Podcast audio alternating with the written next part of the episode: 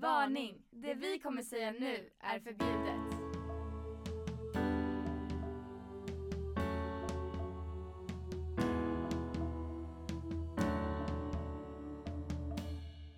Hej och välkomna till eh, ja, det här avsnittet, veckans avsnitt av Varning förbjudet.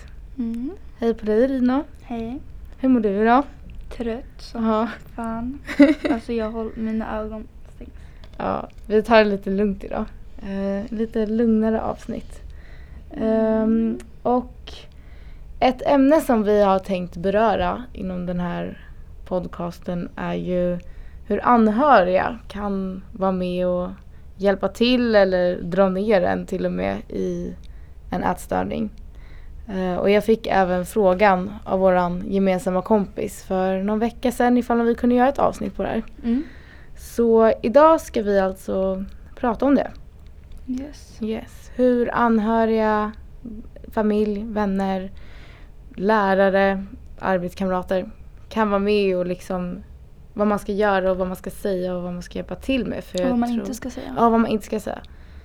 För jag tror att eh, vi alla är lite, du och jag är också, alltså jag vet inte heller direkt vad man ska säga.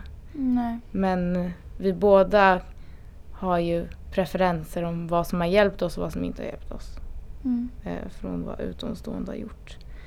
Ehm, så ja, ska vi börja? Mm. Mm. Eh, hur tycker du att en vän ska liksom agera, hjälpa till?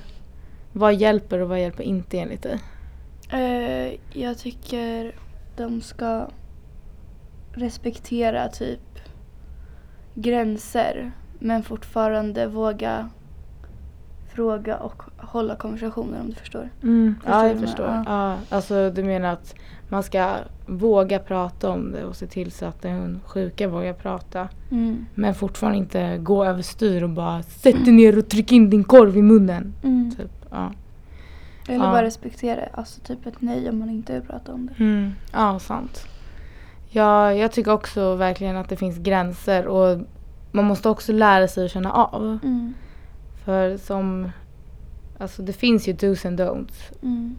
Till exempel, sitt inte och bara Ifall om någon som har en ätstörning sitter och gråter över att de äter ett äpple, säg inte bara att det är inte mycket kalorier i det där, du behöver inte vara rädd.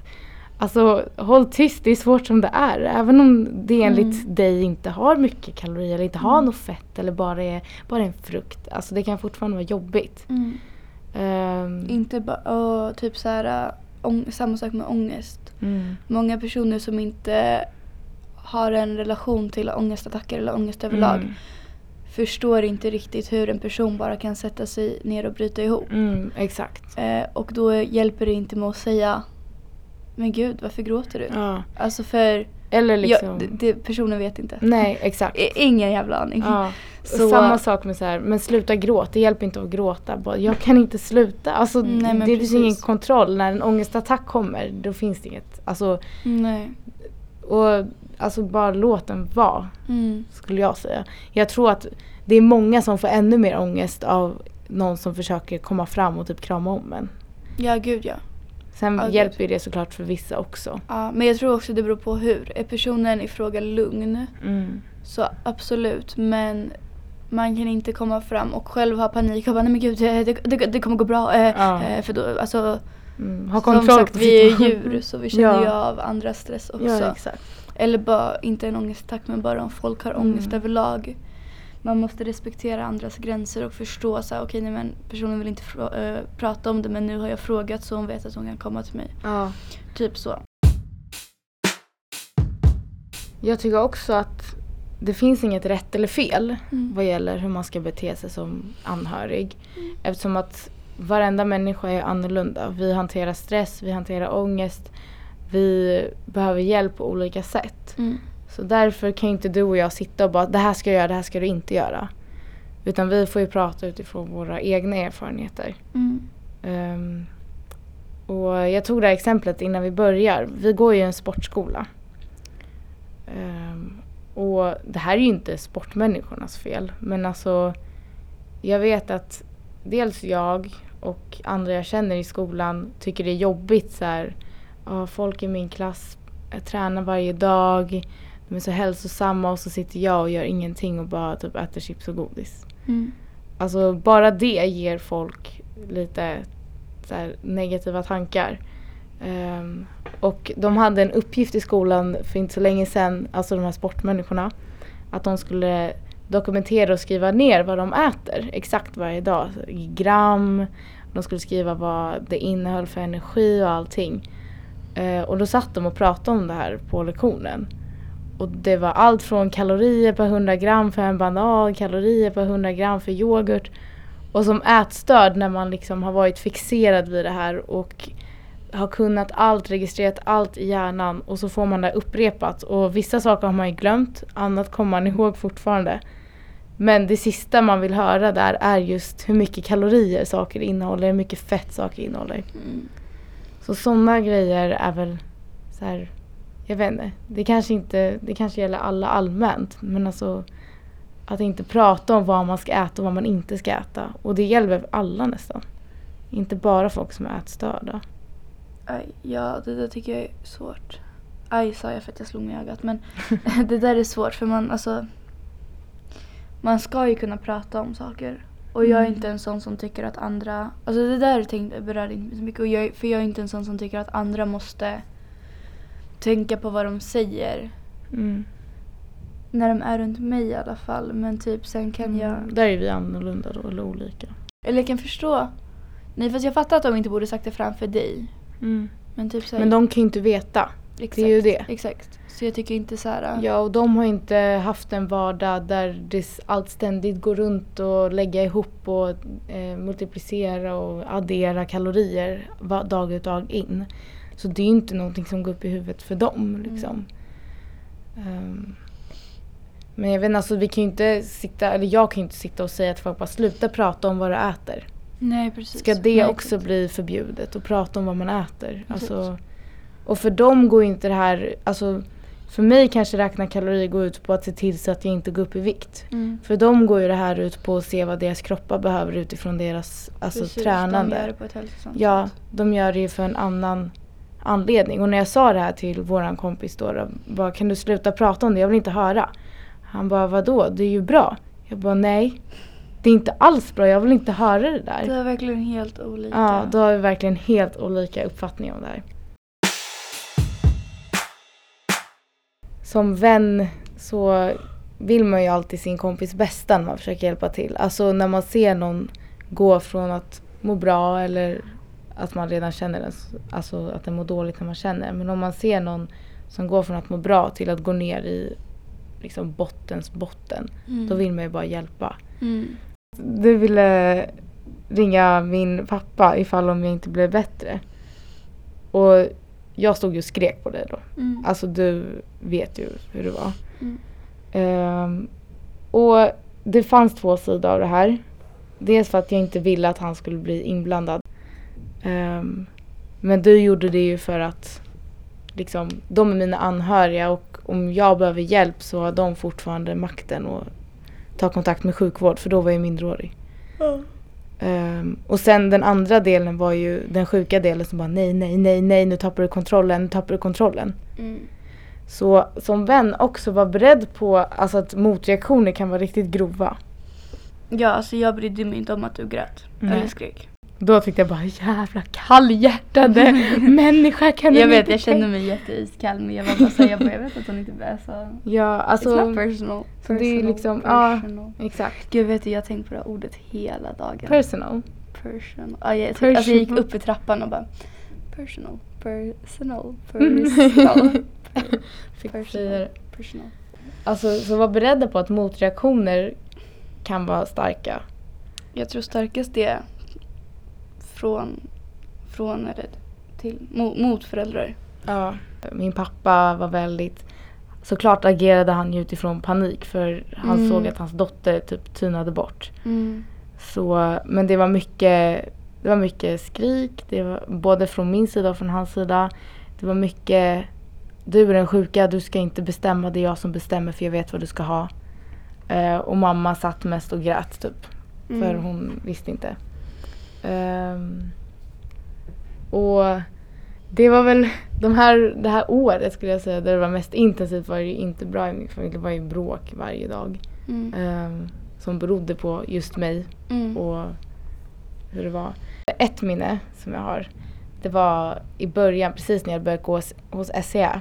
Och eh, då pratade vi väldigt specifikt om så här, hur mycket jag skulle äta. Och då var det liksom, ja när det är lunch, korv med bröd, hur mycket ska hon äta? Då sa de tre korvar med bröd. Mm. Och i hela mitt liv hade jag ätit två. Liksom. Så då var det så här, okej. och under min ätstörningsperiod då åt jag ju en. Så då var det direkt från en till tre. Och det fanns inget liksom, inget så här, nej men okej om det är jättesvårt och vi låter det vara för den här gången. Men jag satt där med den tredje korven och jag mådde verkligen illa. Alltså jag mådde fysiskt illa av ångest. Eh, Medan pappa stod där över min axel och bara nu äter du upp. Mm. Du får inte gå från bordet förrän du har ätit upp. Mm. Och alltså jag grät och det bara kändes som att jag skulle spy vilken sekund som helst för att ångesten var så grov. Mm. Och den gången önskar jag verkligen att han, han kunde ha släppt lite på det här. äh, Alltså kände du dig typ oälskad? För att han brydde sig inte om nej, känslor? alltså då var jag mer så här, fy fan hur kan han göra så här mot mig? Fattar han inte? Alltså jag vet ju att han tänkte, hon tänker inte friskt. Mm. Nu vet du det. Ja. Mm. Men Eh, då men- så är det annorlunda. Ja, då var det mer så här. Visst, jag tänkte väl lite ibland bara, vill han vara elak mot mig eller vad är det han Mm. vill?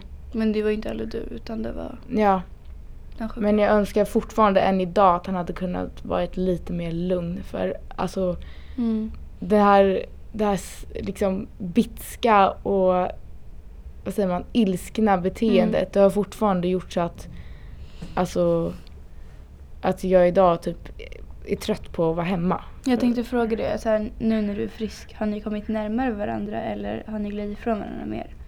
Eller ja, vi har kommit närmare varandra tror jag.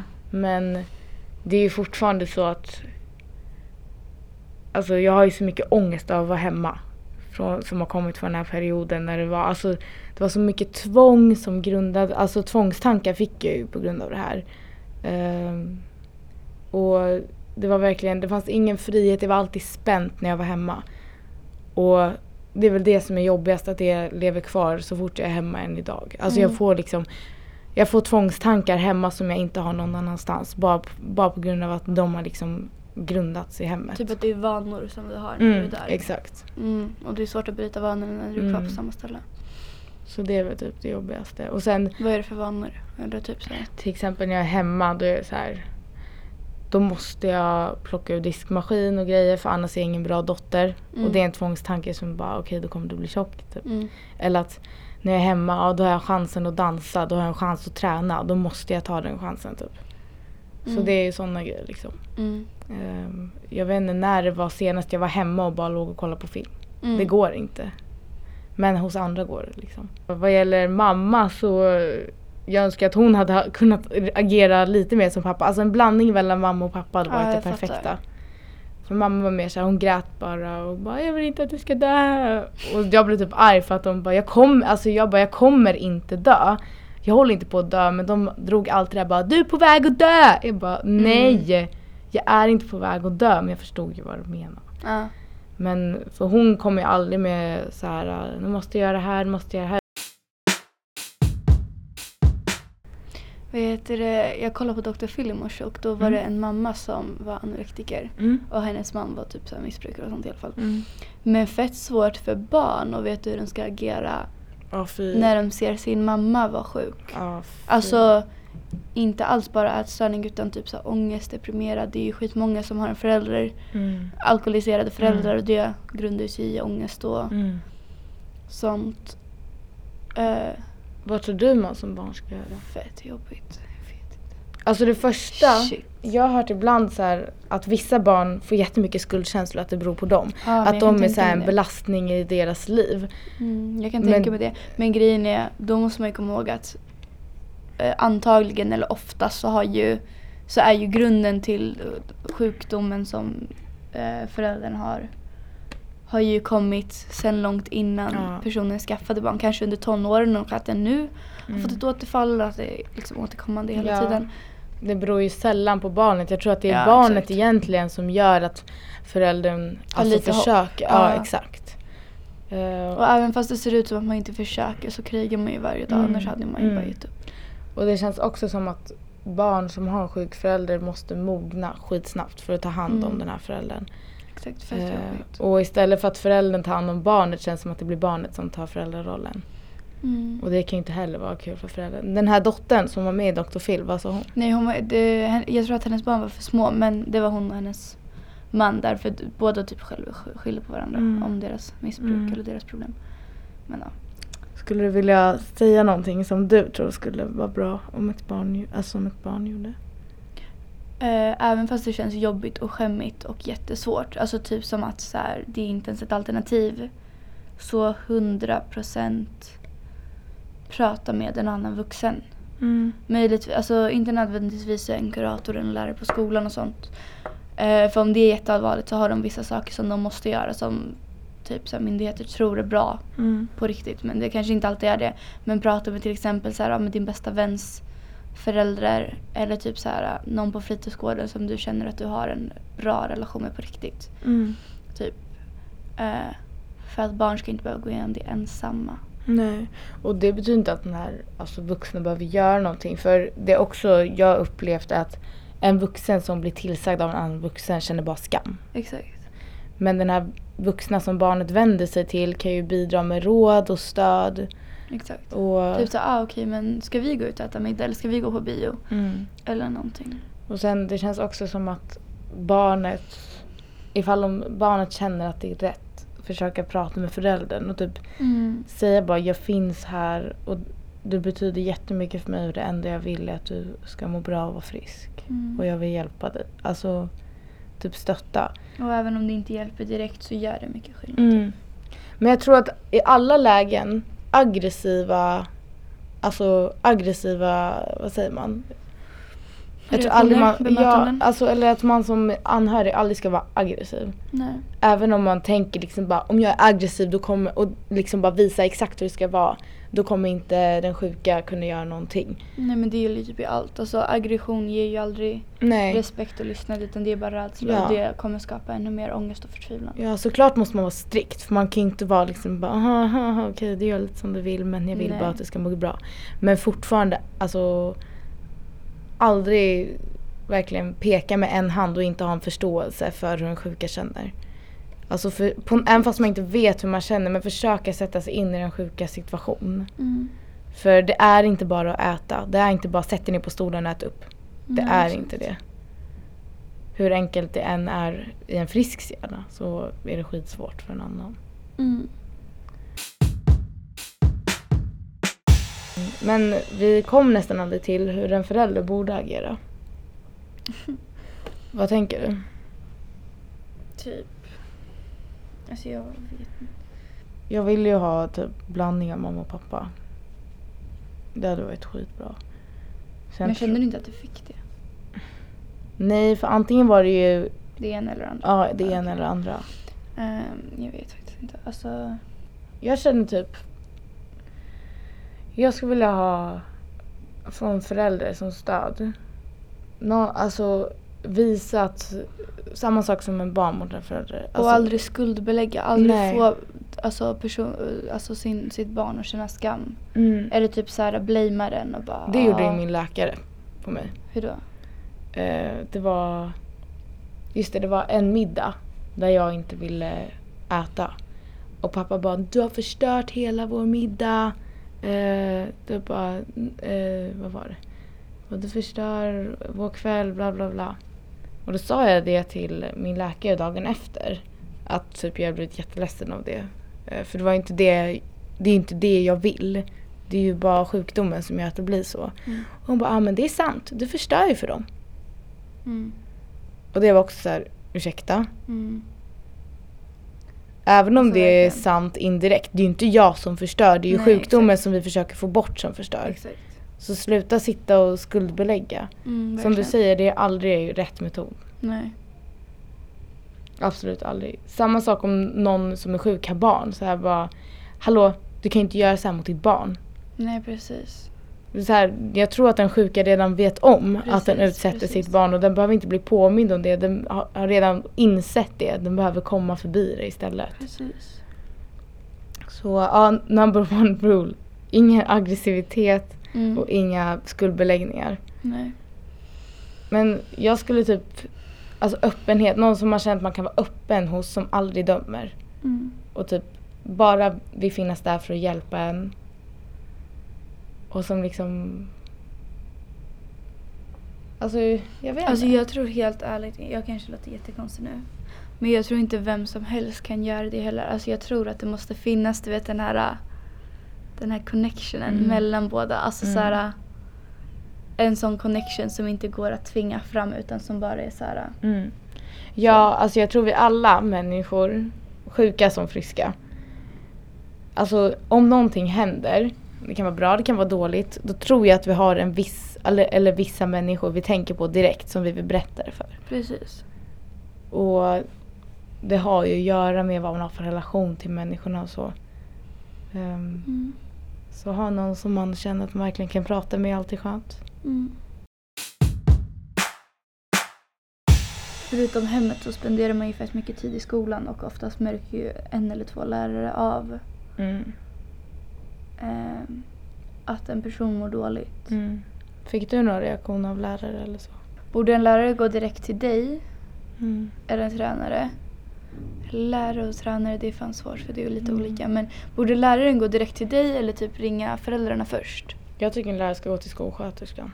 Oh, smart. Mm. Tredje alternativ. Mhm. Ja, det är faktiskt sant. För skolsköterskan är har ju... Ja, om, om en skolsköterska kommer och säger till en bara ursäkta, jag ser, jag har sett att du mår dåligt eller jag har sett att du har gått ner i vikt eller jag har sett att eh, det har blivit dåligt här. Alltså, då är det ändå en legitimerad Ja. någon som har koll på hälsa. Plus, plus det känns som att eftersom att den är lite alltså, längre bort. Mm. Att det är så här, okej men man kanske vågar öppna sig lite mer för att det är inte någon som kommer vara i klassrummet varje dag och kolla Mm. på dig. Och det kommer inte bli lika så Mm, intimt. Exakt, exakt.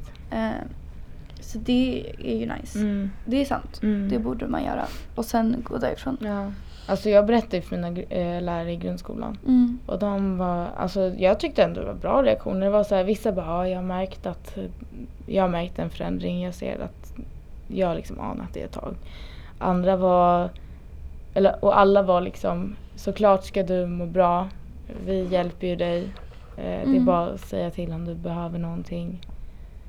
Eh, så de, de var ju också bekväma i liksom. Mm. Nice. Skolsköterskan tog upp mig på hennes lilla rum någon gång i månaden och frågade hur allting var. Mm. Så. Var du ärlig mot henne? Ja, Ärligare än på klinikerna? nej, eller alltså jag var alltid ärlig. Jag har alltid varit öppen med sjukdomen Mhm. in general. Så det var väl inte så farligt. I gymnasiet berättade jag också för typ min mentor och så. Mm. Så ja. Vi tycker att eh, en eh, tränare ska agera. För där är har inte så jag här- så mycket erfarenhet. Nej, det är sant. Men eh, jag tycker typ att de borde gå direkt till alltså dig, inte Mm. föräldern. Eh, eller det beror på typ åldern och hur personen är. Om man Mm. vet så här, okej men den här personen har en bra relation till sina föräldrar, man, äh, tränaren kanske känner föräldrarna, då kanske man kan gå den vägen. Men Mm. Annars tror jag typ att det är viktigt för oftast när man håller på inom idrott så vet ju tränarna typ så okej men man behöver så här mycket mat bla bla bla. Som vi sa att de i våran klass, att tränaren Mm. liksom visade dem så här, okej men du behöver så här mycket för att orka träna typ. För det är ju väldigt viktigt Mm. för att bygga upp en idrottares kropp eller elitidrottares kropp att de Mm. måste verkligen så att typ tränaren tar dig åt sidan och konfronterar dig och förklarar lite så här alltså så här, pratar vett Mm. i huvudet lite. Mm. Ehm, sen ifall det inte funkar så tror jag inte, eh, så tycker jag att man borde säga så okej men du kommer inte få träna. Mm. För det, det funkade på mig. Mm. Att så här, okej men sköter inte du dig så får du inte träna för det är ju, var- varför ska jag träna om jag inte ens kommer komma någon vart Mm. På min träning liksom. Det var just träning som gav dig motivation till att bli frisk också. Ja exakt, alltså verkligen. Så Mm. ja, trän, där tror jag att det är viktigt att tränaren pratar liksom som en tränare. Mm. För oftast har man väldigt mycket förtroende till sin idrott och Ja, till verkligen. sin, eh, ja men till hela där. Mm. Ehm, men även där kan det ju uppstå så motreaktioner. Ja. Eh, och det kan ju vara väldigt jobbigt. Speciellt till, alltså när det är någonting man älskar så mycket. Att frustrationen blir ännu större typ. Mm.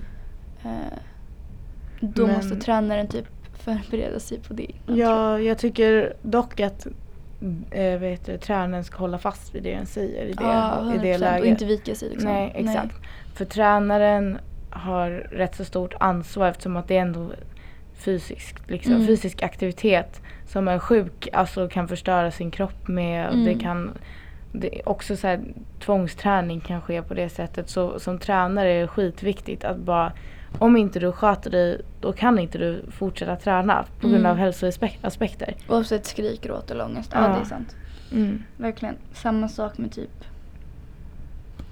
ja, jag tänkte säga lärare men där är det inte så jävla mycket. Mm. Ja.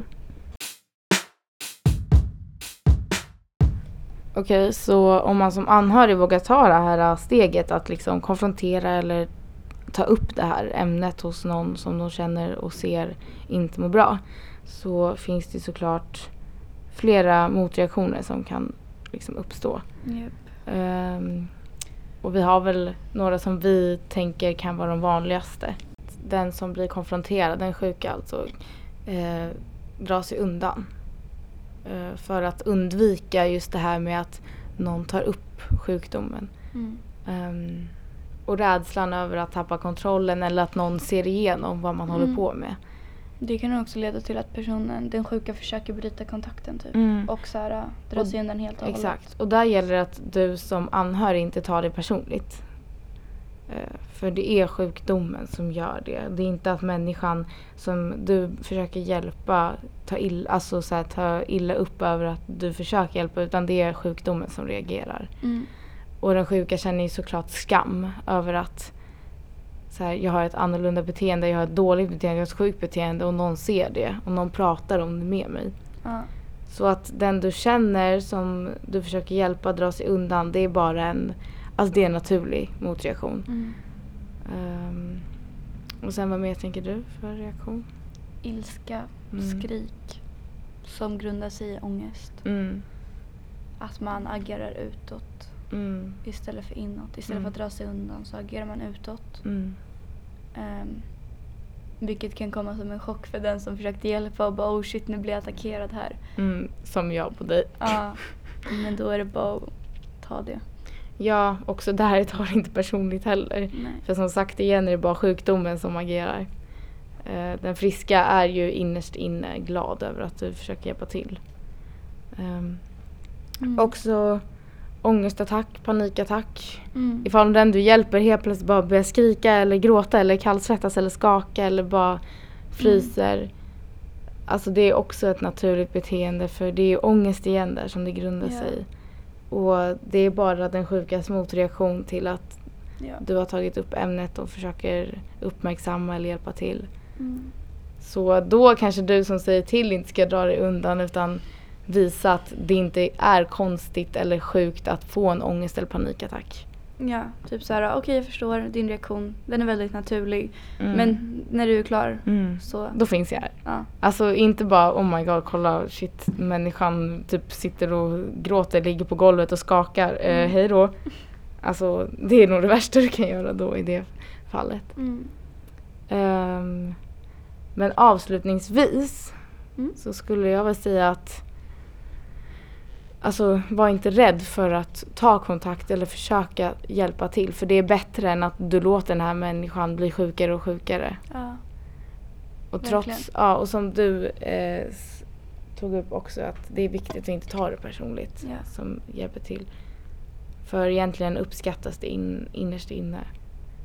Och jag vet, jag vet inte om du har det men jag har vissa människor i mitt liv än idag som jag alltid kommer alltså tacka från mitt hjärta för att de fick mig att må så mycket bättre. Mm. Och det var de som liksom ville hjälpa till. Mm. Och sen är det såklart vissa som hade bättre metoder, vissa hade sämre metoder. Men Ja. ja, men kom ihåg att du vill, eh, du vill ju hjälpa din vän, inte den Mm. sjuka. Så oavsett om du får en spydig reaktion av den sjuka så är det inte från din vän. nej. Så kom ihåg vem, vem du gör det för. Mm. Typ. Tänk att det är typ två människor du pratar till. Glöm att det är vännen du pratar till. Exakt. Förutom när du säger bara jag, vill, jag bryr mig om dig. Jag vill bara att du ska bli, må bra. Mm. Alltså tänk att det är den sjuka du pratar med. Alltså som du vill eliminera från världen. Mm. Liksom så. Verkligen. Men allt är viktigt. Alltså stå hellre upp för din vän eller din, ditt barn eller din Mm. elev eller vem det än är. Än att vara tyst. Mm. För det kommer hjälpa så mycket mer. Mm. Mm. Se personen. Mm. Möt personen. Låt den inte Försvinna. iväg. Ja. Vi ska göra nu. Som vi ska göra nu. ja, vi tackar för idag. Yes. Hej då.